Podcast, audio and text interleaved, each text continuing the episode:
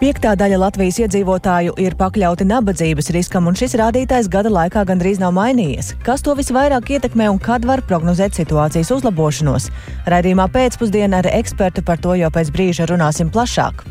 Ukrainā Kīivas apgabalā šodien ieviesti pastiprināti drošības pasākumi, kas būs spēkā vismaz nedēļu.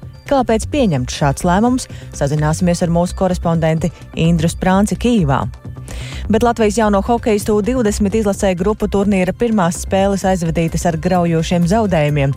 Pēdējā zaudēta pat ar 0 pret 10. Par to visu plašāk raidījumā pēcpusdienā kopā ar mani Dāci Pēkšēnu.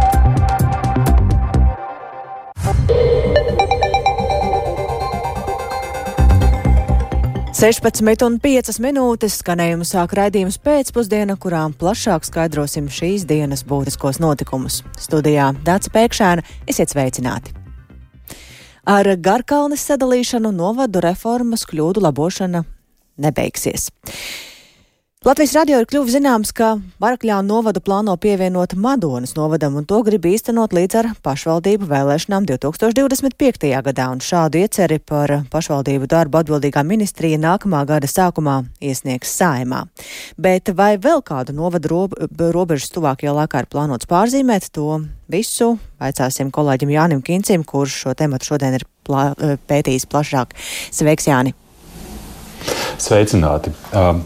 Sākumā atgādināšu, ka iepriekšējā saimnes sasaukuma laikā pieņemtā administratīvi teritoriālā reforma stājās spēkā 2021. gadā pēc iepriekšējām pašvaldību vēlēšanām. Reforma jau no pirmās dienas pavadīja runas gan par loģiskiem risinājumiem, balstītiem uzņēmuma Jāņa sēta pētījumā par iedzīvotāju ekonomisko aktivitāti, gan arī daudz, daudz pārmetumu par vairāk novadu mehānisku apvienošanu vairākās lielākās vienībās. Administratīvi teritoriālās reformas tematu ir aktualizējis Ropažu novada domes trešdien pieņemtais lēmums pārdalīt Baltazaru un līdzās esošo Mārsilu ciemu Ādažu novadam, saglabājot Ropažu novadā citas teritorijas ap Baltazaru, piemēram, Turīgos Prietkalns un Bukultu ciemus. Šis lēmums gan netuvu nav galīgs, par to vēl būs jālēmj gan Ādažu novada domai un arī saimai. Un viedokļu atšķirības par iedzīvotājiem derīgākajām pārmaiņām Ropažu un Ādažu novados ir plāno apspriest arī vidas aizsardzības un reģionālās attīstības ministra Inga Bērziņa no jaunās vienotības. Viņa nākamā gada sākumā apmeklēs šīs abas pašvaldības. Taču šīs tuvākajā laikā nebūs vienīgās izmaiņas novada kartē.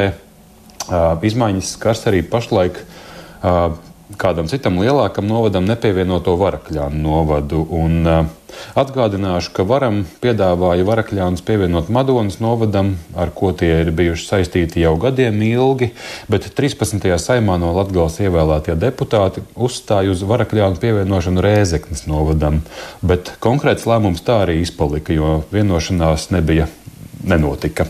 Un, uh, To saimai uzdeva vēlāk uzdeva arī satversmes tiesa tikt skaidrībā ar Varakļānu novada piedarību. Un lūk, jau nākamā gada sākumā, atbilstoši novada iedzīvotāju vairākuma viedoklim, pēc pašvaldību ministrijas rosinājuma, saimā gatavos lēmumu projektu par Varakļānu pievienošanu Madonas novadam. To stāsta nozars ministre Inga Bērziņa no jaunās vienotības. Tā kā Varakļāna novadā ir veikta iedzīvotāju aptauja, un tur ir piedalījusies lielākā daļa no iedzīvotājiem, un lielākā daļa ir viennozīmīgi vēlējusies, lai tiktu iekļauta Madonas novadā. Tad arī varam priekšlikums saimnes komisijai būs tātad iekļaut Barakļānu novadu reizē ar 2025. gada pašvaldību vēlēšanām Madonas novadā. Nu, lūk, un, uh mēģināju iegūt arī Varakļā novada domas vadības uh, viedokli šajā jautājumā, taču šajā pēcpusdienā pagaidām man to vēl nav izdevies izdarīt. Taču jau iepriekš šādu scenāriju kā loģisku ir vērtējis vietvaras vadītājs Māris Justs no attīstībai par DACE. Tātad Varakļā novadu grib pievienot Madonas novadam. Vēl kādas citas izmaiņas novadu kartē varētu būt? Noskaidroja, ka ministrija vērtējumu par administratīvi teritoriālās reformas risinājumiem gatavos un publiskos 2026. gadā pēc izvērtējuma četru gadu ilgā posmā, kurā būs strādājušas jaunizveidotās pašvaldības. To arī stāstīja ministra Inga Bērziņa. Un iespējamo nodu reformas kļūdu labojumu tomēr varētu būt arī vairāk. Par to vairāk jāsaka, viedokļi formā ir pārliecināts iepriekšējais varam ministrs, saimnes valsts pārvaldes un pašvaldības komisijas deputāts, bijušais ādažu novada mērs Māris Sprindžuks no apvienotā saraksta. Nu, piemēram, pašlaik portālā Mana balss norit tāda visai lienīga parakstu vākšana par Mārupas nodalīšanu no apvienotā Babītas novada. Tāpat arī Kandava jūtoties piederīgāka kurzemei, nevis Tukuma novadam, bet augstdaugavas novadā iekļautā ilūksti savukārt neuzskatot sevi par piederīgu Latgalei. Un šādu piemēru varētu būt arī vairāk. Varam paklausīties eh, deputātu Māras Prinčuka teikto. Tad daļēji tika ar satversmes tiesas sprāku mainītas robežas Kultas pagastam, arī Varakļānu. Jautājums satversmes tiesa ir uzdevusi valdībai atrisināt uz nākošām vēlēšanām. Bet uh, ir arī novadi, kur joprojām nu, nesaprot, kāpēc viņi ir kopā. Es sagaidu, ka noteikti savas tiesības izmantos iedzīvotāji Babītē, Cernikavā, iespējams uh, Kandavas novadā, iespējams Augstdaugavas novadā. Tad, tad visur, kur ir kaut kā neloģiski salikts kopā, cilvēki šūmēsies un, un meklēs risinājumu. Un um, Sprenčuks uzskata, ka saimai ir jārod risinājums, lai iespējami plaši novada iedzīvotājs iesaistītu lēmumos par viņu piedarību konkrētam novadam un tā ekonomisko attīstību. Tāpēc viņš uh, rosinās vietējo pašvaldību referendumu likumā iespēju iedzīvotājiem tautas nobalsošanā lemt vai pārskatīt viņu pārstāvētā novada robežas. Deputāts gan atturs minēt, vai šai iecerē saimā varētu būt atbalsts uh, Ministra Inga Bērzī savukārt to vērtēja kā izskatāmu variantu, taču vienlaikus arī stāsta, ka no 2025. gada ciemu, pagastu, arī pilsētu pievienošanu kādam citam novadam varēs rosināt, balstoties uz to iedzīvotāju vairākuma lēmumu aptaujā. Un to pēc nākamajām pašvaldību vēlēšanām paredz jau pieņemti ministru kabineta noteikumi. Tātad, eh, principā, līdzīgs risinājums, taču tas būtu gan lētāks, gan arī iedzīvotājiem ērtāks risinājums nekā referendums uzsver ministre. Lūk, tāda jaunuma saistībā ar nodu reformas uh, apspriešanu arī trīs gadus pēc tās pieņemšanas. Paldies Jānim Kīncim. Atliek vien secināt, ka jaunajā gadā tiešām pie pašvaldību dalīšanas politiķiem nāksies vēl atgriezties. Bet piektā daļa Latvijas iedzīvotāju joprojām ir pakļauti nabadzības riskam. Gada laikā šis rādītājs gandrīz nav mainījies. Centrālā statistikas pārvaldes šodien publiskotie šogad veiktās aptaujas dati liecina, ka pērn tie joprojām ir bijuši 419 tūkstoši iedzīvotāju, jeb 22,5%. Un šo cilvēku vidū visvairāk ir vecāka gada gājuma cilvēku, arī pilngadīgi bezdarbnieki un vientuļo vecāku ģimenes ar bērniem. Dati gan liecina, ka nabadzība riska slieksnis pērni ir mainījies, un viena cilvēka maisaimniecībā bija tas par 50 eiro lielāks, sasniedzot 563 eiro, kā arī 1182 eiro, jeb par 105 eiro lielāks mājsaimniecībā ar diviem pieaugušajiem un diviem bērniem. Skaidrojumu šiem datiem lūksim bankas Luminora ekonomistam Pēteram, Pēterim Strautiņām, ar kuru šobrīd esam sazvanījušies. Labdien! Labdien!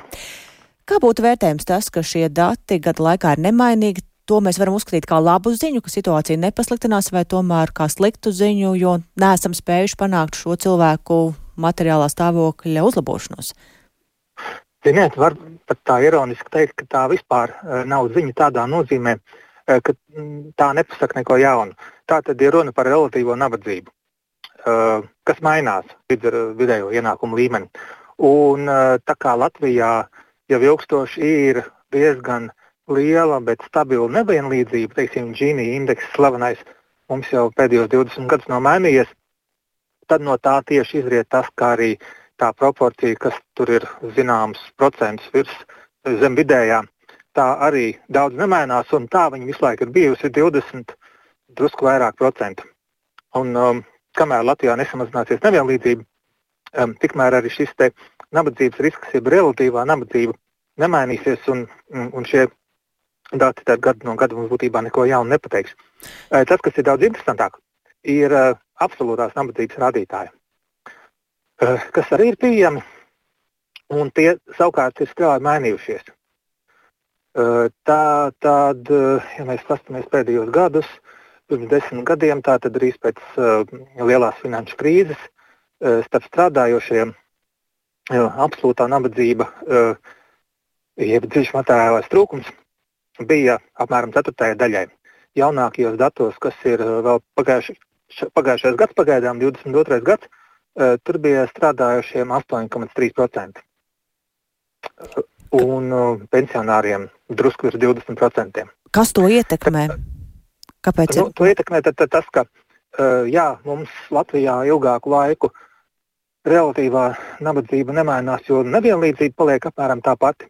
Bet augot vidējiem ienākumiem, arvien mazāk trūkst cilvēku, kuriem pietrūkst naudas, lai apmaksātu kaut ko no paša nepieciešamākā.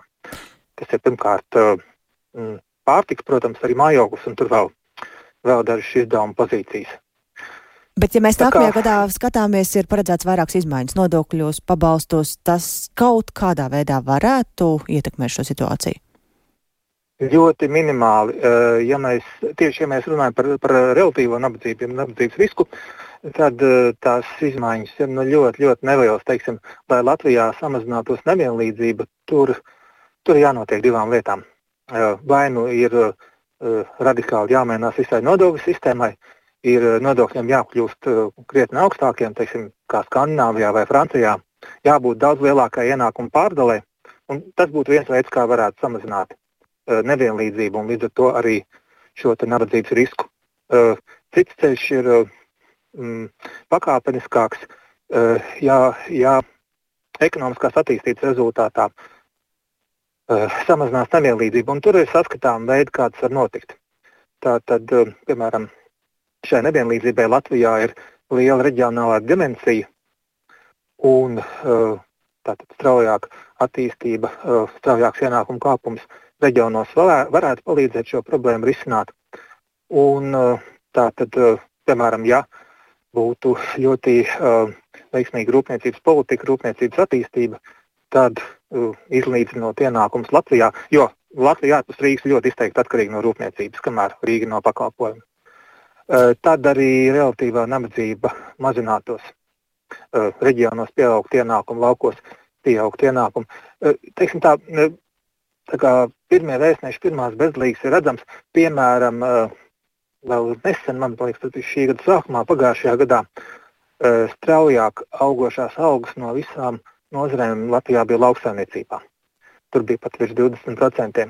Un tur var saskatīt skaidrojumu, tātad nozara attīstās un arī uh, reģionos samazinoties cilvēku skaitam, uh, samazinās darba spēka pārpalikums, kas ir iepriekš bijis, un līdz ar to palikušie cilvēki var sev uh, prasīt augstākus ienākumus. Tā kā viens uh, veids ir nodokļu aktīva ienākuma pārdala, es neredzu, ka Latvijā tas mhm. varētu notikt tuvākajā laikā pie šīs saimnes. Noteikti ne. Cits ceļš būtu uh, tādu ekonomikas nozaru straujāka attīstība, pirmkārt uh, rūpniecība, kas veicina vienlīdzīgāku ienākumu sadali. Mm -hmm.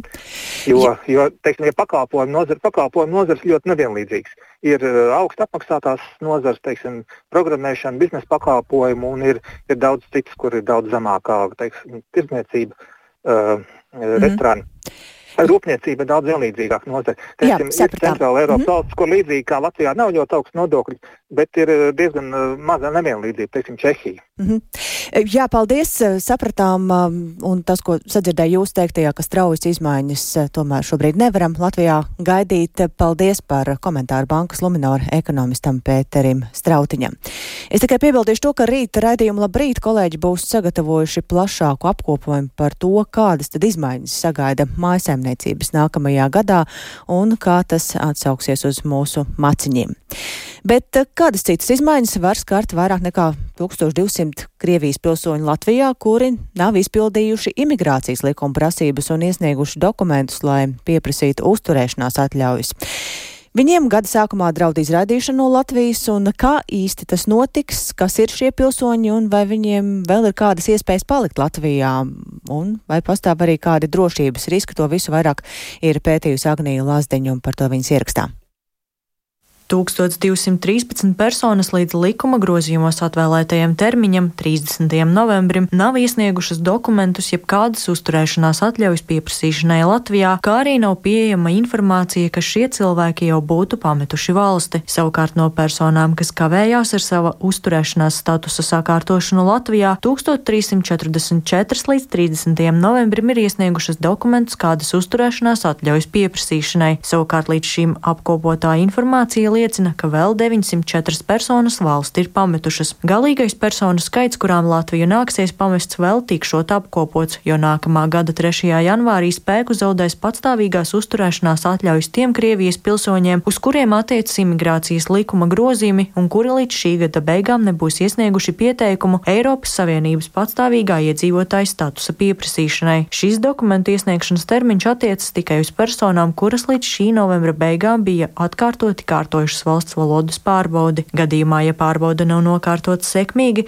šiem cilvēkiem ir nepieciešams līdz gada beigām pieteikties atļaujai, kas Latvijā ļautu uzturēties divus gadus, lai netiktu pārtraukta sociālo un veselības aprūpes pakalpojumu sniegšana un turpmākā uzturēšanās Latvijā nekļūtu nelikumīga. Taču tie Krievijas pilsoņi, kuriem ir attaisnojoši iemesli nekārtot latviešu valodas pārbaudi, var iesniegt dokumentus uzturēšanās atļaujai līdz nākamā gada marta beigām. Atļauja uzturēties Latvijā tiks piešķirta uz diviem gadiem gadiem. Kā norāda pilsonības un migrācijas lietu pārvaldes pārstāve Madara Puķa, šiem 1213 Krievijas pilsoņiem vēl savā ziņā pastāvot iespēja, kā palikt Latvijā. Šiem cilvēkiem būs jāsniedz rakstisks paskaidrojums par neizbraukšanas iemesliem un par iespējamo izbraukšanas laiku. Un pēc tam pārvalde sagatavos izbraukšanas rīkojumus, kas paredzēs, ka 30 dienu laikā valsts ir jāatstāj. Tā ir likumā noteiktā prasība, kas viņiem pašiem būs jāveic labprātīgi. Ja šiem cilvēkiem cilvēkam ir kāds pamatots iemesls, lai tomēr arī pēc termiņa beigām iesniegtu dokumentus, piemēram, uzturēšanās atļaujai saistībā ar ģimenes apvienošanu, darbu vai kādu citu, tad jā. Bet tam ir jābūt likumiski pamatotam un paskaidrojumā būs jānorāda, kāpēc tas visos iepriekšējos termiņos nav ticis izdarīts. Biedrības Krievu balss Latvijai valdes priekšsēdētājs Martins Levuškāns uzsver, ka būtu nepieciešama individuāla pieeja tiem cilvēkiem, kuri vēl nav nokārtojuši vajadzīgos dokumentus un ieguvuši uzturēšanās atļauju. Diezgan bieži tie cilvēki, kuri ir ļoti izolēti no sabiedrības, jo viņi tiešām dzīvo savā tādā burbulī un uh, viņi diezgan maz komunicē ar citiem cilvēkiem, viņi galvenokārt vecākās paudzes cilvēki, viņi maz pat radinieki, un viņi ir diezgan izolēti un viņi pat nezin, kas notiek apkārt. Protams, visiem ir jāzina valsts valoda, un otrais, ka, protams, ir jāstiprina Latvijas drošība, un, protams, ka tie cilvēki, kuri tiešām draud Latvijai un lai atbalsta Krievijas agresīvu politiku, ka pret viņiem nepieciešams vērsties. Runājot par drošības riskiem, Rīgas Stradiņa universitātes asociētais profesors un sociāla antropologs Klaus Sedlinieks skaidro, ka no Krievijas puses draudz, protams, pastāvot, un tajā ziņā vajadzētu būt piesardzīgiem. Taču attiecībā Attiecībā pret Krievijas pilsoņiem sociāla antropologs norāda, ka šajos kara apstākļos viedokļi ļoti lielā mērā esot polarizējušies, un jebkādas novirzes no tādas ģenerālās līnijas tiekot interpretētas daudz asāk nekā tas būtu miera apstākļos. Līdz ar to šobrīd mēs šos cilvēkus dzirdam mazāk. Mēs runājam acīm redzam par cilvēkiem, kas nav šeit iebraukuši pēdējā laikā. Ja? Tie nav turisti, kas šeit ir apmetušies uz dzīvi, bet acīm redzam cilvēki, kas šeit ir ilgstoši dzīvojuši. Un mēs varam pieņemt, ka viņiem šī situācija nu, nav patīkama vai pieņemama. Un tāpēc mums vajadzētu uzdot šo jautājumu, kāpēc viņi nekādi nepauž savu neapmierinātību. Un uh, acīm redzami tas norāda uz tādu kopējo arī vārda brīvības atmosfēru pašreizējos apstākļos. Citiem vārdiem sakot, droši vien, ka cilvēkiem ir uh, bail izteikties, paust šo savu neapmierinātību, bailēs par to, ka viņi varētu vēl vairāk pasliktināt savus apstākļus. Tādas apspiestas emocijas un viedokļi paši par sevi gan neizūdot, un tie varot pie kādiem izdevīgiem apstākļiem izlausties ārā, tā norāda sociāla antropologs. Tāpat arī viņa prāta versija, ka šie Krievijas pilsoņi beidzot esot integrēti Latvijas sabiedrībā, un viņi saprotot, ka viņiem būtu jārunā latviski, esot gan maz ticama. Agnija Lazdiņa, Latvijas radio. Drošību Ukrainā Kijivas apgabalā no šodienas līdz 6. janvārim uzraudzīs pastiprināti, un tas nozīmē, ka vairāk būs blokposteņu uz ceļiem un pastiprinātas pārbaudas cilvēku pulcēšanās vietās. Vairāk par to runāsim ar Latvijas radio korespondentu Ukrainā Indru Spranci. Sveika, Indra, saki, kādēļ šādi pastiprināti drošības pasākumi? Sveiciens, jā, līdz šim Kīvā un šodienas Kīvas apgabalā pastiprināti drošības pasākumi ir jau kopš 25. decembra, tātad Ziemassvētkiem. Šogad, kā zināms, bija pirmais gads, kad Ukrainas pareizticīgā baznīca Ziemassvētkus svinēja vienlaikus ar Eiropas valstīm savukārt. Maskavas patriarchātā palikušās Ukrainas pareizticīgās draudzes visdrīzāk šos svētkus svinēs pa vecam 6. un 7. janvārī, un kā redzams no Kīvas apgabala militārās administrācijas paziņojumiem, faktiski visā šajā svētku periodā tiek organizētas stingrākas drošības pārbaudas pilsētā un ārpus tās. Amatpersonas skaidro, ka galvaspilsētā nepieciešams regulārs dažādu dienestu mācības, tāpēc šajās dienās to ietveros Kīvā vairāk nekā ierasts bija vērojama ceļu bloķēšana un dažādu barjeru izvietošana. Tas viss, kas bija redzams Krievijas vispārējā iebrukuma sākumā, bet nu jau otrajā gadā mazākos apmēros. Nu, šajās pastiprinātas drošības dienās notiek arī stingrākas pārbaudas uz ceļiem, pārbauda pār, arī autovadītājs un, kā skaidro amatpersonas, mācību mērķis ir pilnveidot vadības efektīvas miedarbības sistēmu dažādiem dienestiem, lai nodrošinātu sabiedrības drošību kādu iespējamu krīžu gadījumā. Un no šodienas Kīvas apgabalā Ukrainas drošības dienests, valsts policija, zemesardze un teritoriālās aizsardzības vienības veiks nevien pastiprināts pārbaudas uz ceļiem, bet arī cilvēku pulcēšanās vietās, tātad tirdzniecības centros, lielveikalos, stacijās, medicīnas iestādēs un citviet. Un, Tiesības sargi norāda, ka šajās pārbaudēs viņi cer izķert arī meklēšanā esošas personas šobrīd. Aizdomās par kriminālu vai administratīvu pārkāpumu izdarīšanu apgabalā tiek meklēta ap 11 tūkstošiem cilvēku. Amatpersonas aicina iedzīvotājus ar izpratni izturēties pret šiem drošības pasākumiem un nesāt līdzi savus dokumentus. Dace? Jā, bet nu, pēc dažām dienām jau jaunais gads, kā Ukraiņi to plāno sagaidīt, vai komandants stunda būs spēkā arī šajā naktī? Jā, Karš nav beidzies, lai kā to gribētos un lai cik noguruši visi būtu. Vismaz šeit, Kīvā, komandants stundas paliks spēkā un bez ļoti attaisnojoša iemesla uz ielas nevarēs atrasties laika posmā no pusnakts līdz pieciem rītā, tātad nekāda gadu mīsa sagaidīšana uz ielas.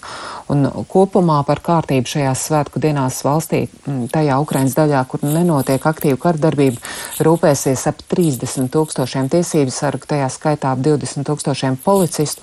Paklausīsimies fragment no Ukrainas policijas pārstāvja Maksima Arhamējieva šodien sacītā. Ми всі з вами розуміємо, що відзначення релігійних та новорічних свят. Mēs visi saprotam, ka reliģisko un jaungada svētku atzīmēšana notiks nedaudz savādāk nekā citus gadus. Tas saistīts pirmkārt ar Krievijas federācijas agresiju, tāpēc drošības pasākumi mums ir pirmā prioritāte. Для нас основні головні. Jā, un Ukraiņas iedzīvotāji arī jau laicīgi tiek brīdināti, ka nedrīkst izmantot nekādu pirotehniku, gan par tās tirgošanu, gan iegādi var draudēt, un, un arī lietošana var draudēt gan administratīvā, gan arī krimināla atbildība. Tāpat cilvēki tiek aicināti nesagaidīt jauno gadu uz ielas pilsētu laukumos, jo daudzās pilsēt, pilsētā šī komandanta stunda sāks tieši pusnaktī. Paklausīsimies vēl vienu fragmentu no policijas pārstāvja paustā šodien preses konferencē. Policija bude reaģēt. Policija reaģēs. Mēs ar izpratni izturēsimies pret cilvēkiem, kas neievēros komandantu stundu kādas ārkārtas vajadzības spiesti. Policija pret to izturēsies ar izpratni, tāpat, ja cilvēki atgriezīsies no darba. Kopumā reaģēsim stingri. В цілому будемо реагувати жорстко. Piebildīšu, ka drošības apsvērumu pēc netiek organizēti arī nekādi publiski pasākumi pilsētās, gan ir svētku atribūti, ir uzstādīts un izrotāts eglītes. Kīvā tāda tradicionāli ir pie Sofijas katedrāls, bet Harkivā nu jau otro gadu pilsētas galvenā egla atrodas pazemē metro, kas ir drošākā vieta pilsētā gaisa uzlidojuma laikā. Bet citādi nekāda plaša svinēšana nenotiek, un cilvēki patiešām tiek aicināti jauno gadu sagaidīt mājās ar saviem tuvajiem. Paldies, Indra, ka ļāvi ielūkoties tajā, kā jaunajam gadam šajās dienās gatavojas Ukrainā, kur, diemžēl, joprojām turpinās Krievijas izraisītais karš. Bet kā panākt to, lai mūsu nauda nenonāktu Krievijas budžetā? Piedāvājums ir fondam uzņēmēju mieram, un tas rosina gadījumos, kad uzņēmēji turpina sadarboties ar Krieviju, noteikti visiem darījumiem papildu 90% lielu nodokli. Un Cik reāli ir šāda iecerē, tas visticamāk būs jāvērtē deputātiem, jo portālā Mana balsts LV par to šobrīd jau savākt vairāk nekā desmit tūkstoši iedzīvotāju pārakstu. Bet par citiem notikumiem pašmājās pasažieru pārvadāšanai šodien ir norīkoti septiņi jaunie vilcieni, un līdz gada beigām ir iecerēts, ka tie kopumā būs 12. Tas gan ir mazāk nekā sākotnēji plānoja. Pamazām mainās gan ne tikai vilcieni, bet arī cik bieži tie brauc. Piemēram, maršrutā Rīga Liepāja pieprasījums palielinās, un tāpēc no nākamā gada septembra vilciens varētu kursēt biežāk, divas reizes dienā. Ko par to saka pasažieri, par to vairāk Ingas Ozols ierakstā.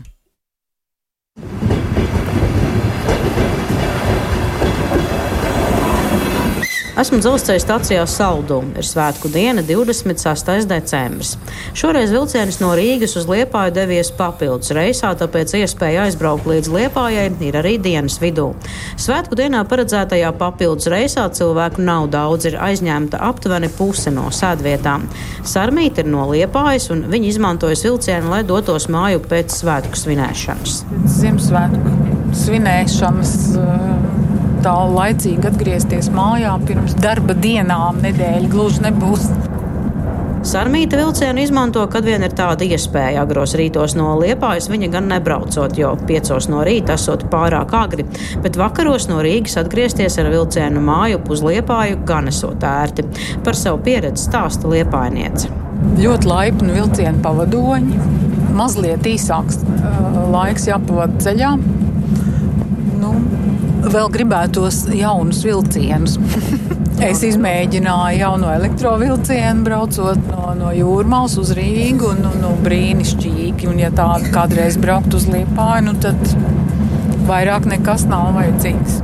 Šādas iespējas gan tik drīzā nākotnē pasažieri nepiedzīvos. Atbildot uz Latvijas radio jautājumu, kad varētu notikt līnijas elektrifikācija, Latvijas dzelzceļš radio norāda, ka uzņēmums pastāvīgi veic ieguldījumus šīs dzelzceļa līnijas infrastruktūrā, lai paaugstinātu vilcienu kustības ātrumu un tādējādi dzelzceļa transports kļūtu ērtāk izmantojams un vēl pievilcīgāks iedzīvotājiem.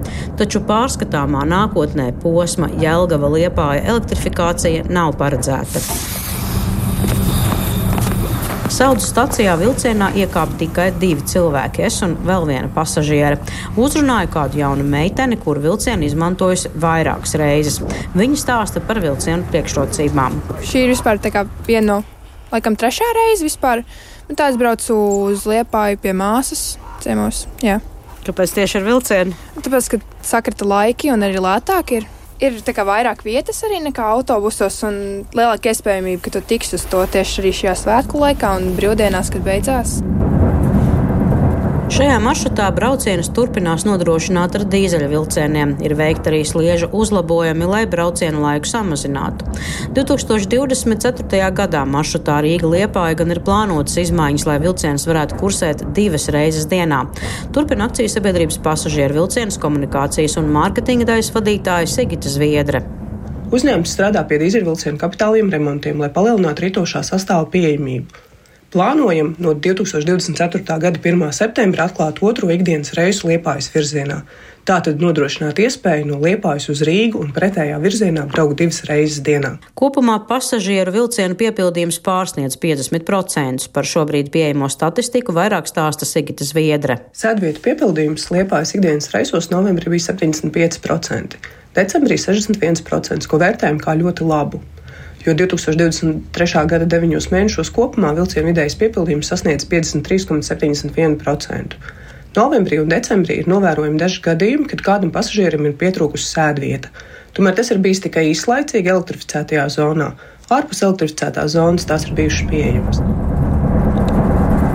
Kā zināms, šogad no 31. jūlija izdevās atjaunot ikdienas vilcienu satiksmi starp Liepāju un Rīgu. No rītiem vilciens kursē no Liepājas uz Rīgu, bet vakaros tas dodas no Rīgas uz Liepāju. Cikos nākamā gada septembrī varētu kursēt vilciens vēl vienu reizi dienā, pagaidām nesot skaidrs, jo par to vēl būs jāpanāk vienošanās. Ingozola Latvijas radio kurzmē. Latvijā netīrākā vieta beidzot attīrīta pilnībā un pēdējo divu gadu laikā ir novērsti atklātie defekti. Valsts vīdes dienas norāda, ka Inču kalnas cērskābā Gudrona dīķos kopumā ir attīrīti vairāk nekā 8 hektāri zemes un šis vairākus gadus ilgušais un ne bez aizciešanās noritējušais process ir izmaksājis gandrīz 60 miljonus eiro. Kā tad izskatās šobrīd šajā vietā, kura tagad ir brīvi pieejama, un vai tur varēs arī sēņot un ogot par to plašāk Viktora Demīdo reportāžā? Siguldas novadā, apmēram 200 metru attālumā no šosejas Rīgas Sigulda, pie sniegotā zemes ceļa atrodas kādreiz Latvijā viena no divām netīrākajām vietām. Tas ir Inču kalna ziemeļu sērskābā Gudrona dīķis. Otra vieta ir Dienvidu Gudrona dīķis, kas atrodas otra pus šosejai pie dzelzceļa līnijas. Ziemeļu dīķim apkārt ir priežu mežs, un pie daļai sasalušā ūdens ir vairākas brīdinošas zīmes. Vienā aicina nestaigāt, nebraukāt un ļaut teritorijai atkopties. Otrā zīme vēsta, ka teritorijas bojāšana ir krimināla pārkāpums, bet trešajā rakstīts bīstami, potenciāli piesārņota vieta. Tur bija diezgan norobežota tā teritorija. Nu, vismaz dienas laikā tur bija apsargs. Nu, to, ka viņš tur bija, protams, mums nevienam tas nebija patīkami. Tās smakas, kas reizēm no turienes nāca, kad vējš pūta no tās puses, tās arī bija reizēm jūtamas. Nu, katrā ziņā beidzot tas ir noslēdzies, ka tas viss tur ir beidzies. Protams, tas priecē. Vismaz citiem būs ūdens tīrs. Kā, nezinu, man, man ir raka, man viss kārtībā. Es zinu, ka cilvēkiem arī bija netīrs ūdens. Spices, nu, saucamās, slēdzas cieta. Un tas ir labi, ka viņš iztīrīs, bet nu, zeme tāpat ir piesārņota. Tā saka Inču kalna iedzīvotāji. Attīrīt dīķus un to apkārtējo vidi palīdzēja uzņēmums Geokonsultants. Tā pārstāvis Māris Bremšs norāda, ka padomju laikos ar naftas pārstrādes un smēreļu ražotnes bīstamiem atkritumiem smagi piesārņotās vietas pilnīgi tīras nav. Taču darbs ir padarīts pēc noteiktām prasībām, tāpēc cilvēkiem tur uzturēties ir droši, saka Bremšs. Vienīgais nevajadzētu sevišķi apskādēt šo sanācijas kalnu virsmu, kas ir attiecīgi tur apsēta ar zālājiem un tā tālāk. Ja jāņem vērā, ka nu, zāle vēl tur nav pietiekoši ieaugusies, tā kā nu, viņi ir relatīvi viegli ievainojami. Sēņot var lasīt ogas, pēc tam ēst. To var droši vien darīt, bet es stipri šaubos, vai tur tuvākā laikā kaut kādas sēnes augs. Teiksim, ogas tur mežā, protams, nav problēma jo piesārņojums viņš eh, neizplatās teiksim, pa zemes virsmu. Drīzāk problēmas eh, ir eh, dziļāk, tas ievērojami dziļāk par zemes virsmu.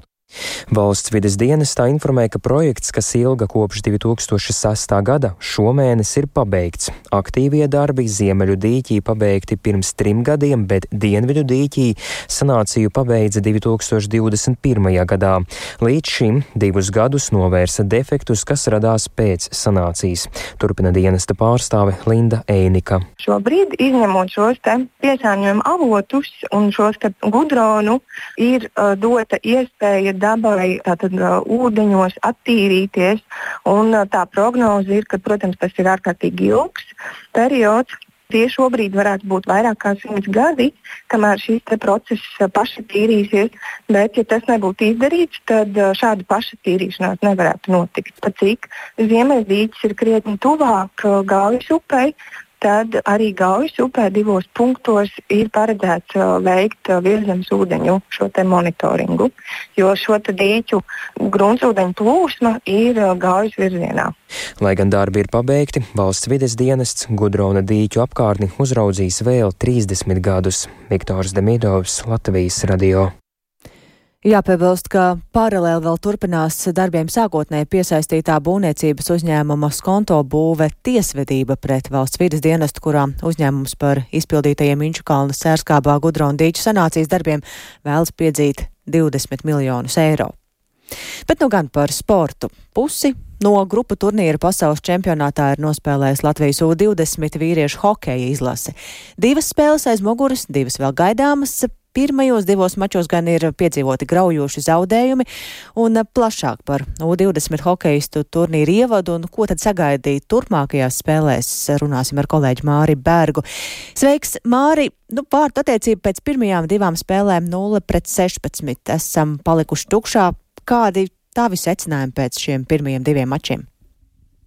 Uh, sveika, Dārcis, sveicināti klausītāji. Jā, divi zaudējumi ar lieliem rezultātiem noteikti nerada rožainu skatu uz dzīvi, īpaši jau vakar pret Kanādu 0-10, taču šeit vēlreiz un vēl, vēlreiz ir ļoti svarīgi uzsvērt un arī saprast, ka līmeņu atšķirība junioru hokejā starp valstīm ir daudz, daudz lielāka nekā pieaugušo hokejā. Protams, mūsējiem ir ļoti daudz lietu, kas klibo, sākot jau ar momentu realizāciju, jo, kā jau teicu, mūsējie pagaidām palikuši tukšā.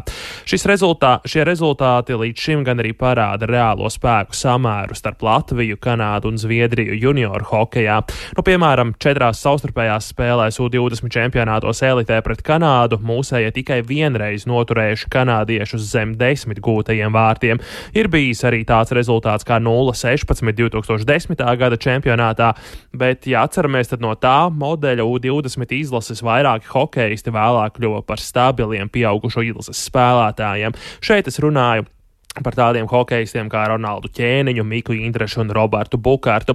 Tik tālu čempionāta norise mūsējiem patiesībā ir diezgan līkumsakarīga. Rezultāts uz tablo varēja būt la labāks, rezultātu starpība mazāka, bet gaidīt punktus un uzvaras pret šiem pretiniekiem laikam gan būtu bijis pārlieku optimistiski. Dāce? Nu, tajā pašā laikā viena no lietām, kas ir izceļama vājais mazākums, izturēti tikai 44% mazākumu, tas ir vājš rādītājs. Tas ir tiešām ļoti vājš rādītājs, bet te arī svarīgi ir piebilst, ka mazākums sākas ar problēmām ar disciplīnu. Latvijas izlase tomēr ir nopelnījusi diezgan daudz neataisnotu un nevajadzīgu noraidījumu. Spēle nevienādos sastāvos, tas jau ir meistarības un izpildījuma jautājums, bet pirmajās divās spēlēs Latvijai pretī stājušies tiešām augsta līmeņa izpildītāji, kas jau ir paspējuši debitēt NHL vai arī gatavi tur debitēt, bet turpinājumā klausāmies Latvijas izlases galveno treneri Hārti Ābolu. Nu, ir šī junior hokeja starp augšu un apakšu atšķirība ļoti liela. Tagad galvenais, kas saka, es teiktu, nepalīdz tur jau kaut ko tur lamāsies. Viņi vienkārši ir ātrāk un spēcīgāk. Pirmkārt, mums jāturās kopā, ja katrs palīdzīs zem beņķa un palīdzīs zem sēgas. Tas ir sliktāk, kas var būt šī turnīra tāda specifika un burvība ir, ka līdz ar šo zaudējumu arī nekas nav beidzies. Te redzam, ka Somija kādā situācijā būs skaidrs, ka viņi būs favorīti, bet uzvar Somijas un Somijam būs jādomā, ko darīt. Jā, tālūk Latvijas U20 izlases galvenais treneris Ārtis Ābols. Dāce. Nu, labi, skaidrs par zaudējumiem. Nu, ejam uz priekšu. Nākamās divas spēles pret Somiju, Vāciju. Vai šīs komandas Latvijai varētu būt pa spēkam?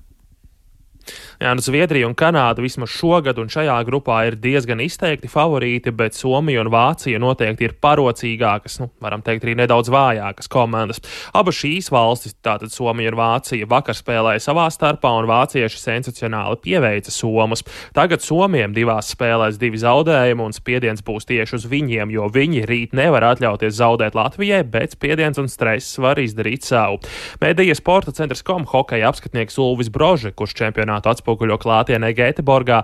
Sarunā ar Latvijas radio šodien uzsvēra, ka Latvijas jaunajiem hokeistiem čempionāts patiesībā tikai tagad pa īstam sāksies. Klausāmies! Nu, skaidrs, Vācija, neskatoties to, ka viņi uzvarēja Somiju, man šķiet tāpat ir daudz ņemamāks pretinieks mums nekā Somija, un, un domāju, tā tomēr būs tā spēle, uz kur mums ir jāliek galvenais uzsvars, jāmēģina, jāmēģina aiztiet tā uzvara, viss, viss vēl ir priekšā, 0-16 pēc divām spēlēm, protams, nav nekāds skaistais rožainais skats, bet uh, viss turnīrs vēl ir priekšā. Mums, mums reāli tiešām turnīrs sāks tikai tagad. Nākamām divām spēlēm runājot, Latvijas-Somijas duelis rīt sāksies pusčetros pēcpusdienā pēc Latvijas laika. Savukārt 30. decembra vakarā, tātad sestdien, pusdeviņos vakarā Latvijai grupas pēdējā spēle pret Vāciju. Pēc tam jau tad varēsim raudzīties, kāds būs gala iznākums un arī turnīra turpmākie mači. Vai nu mūsējiem izdosies iekļūt ceturdaļfinālā, vai arī nāksies spēlēt par palikšanu elitē. Dace? Paldies Mārim Bergam. Nu, tātad arī gada pēdējās dienās mums ir kam just līdzi, ko atbalstīt, un tas noteikti jaunajiem hokeistiem ir vajadzīgs, bet šobrīd gan raidījums pēcpusdienu izskan, to veidoja producente Ilze Agīnta, ierakstus montēja Uldis Grīnbergs, par labskaņu rūpējās Katrīna Bramberga un ar jums sarunājās Dāca Pēkšēna. Atgādināšu arī par Latvijas radio mobilo lietotni, kur raidījumu varat noklausīties sevērtā laikā, meklējot dienas ziņas, un tāpat arī mūsu ziņām var sekot līdzi sabiedrisko mediju ziņu portālā LSMLV un arī Latvijas radio kontos sociālajos tīklos. Šobrīd gan atvedos līdz rītdienai.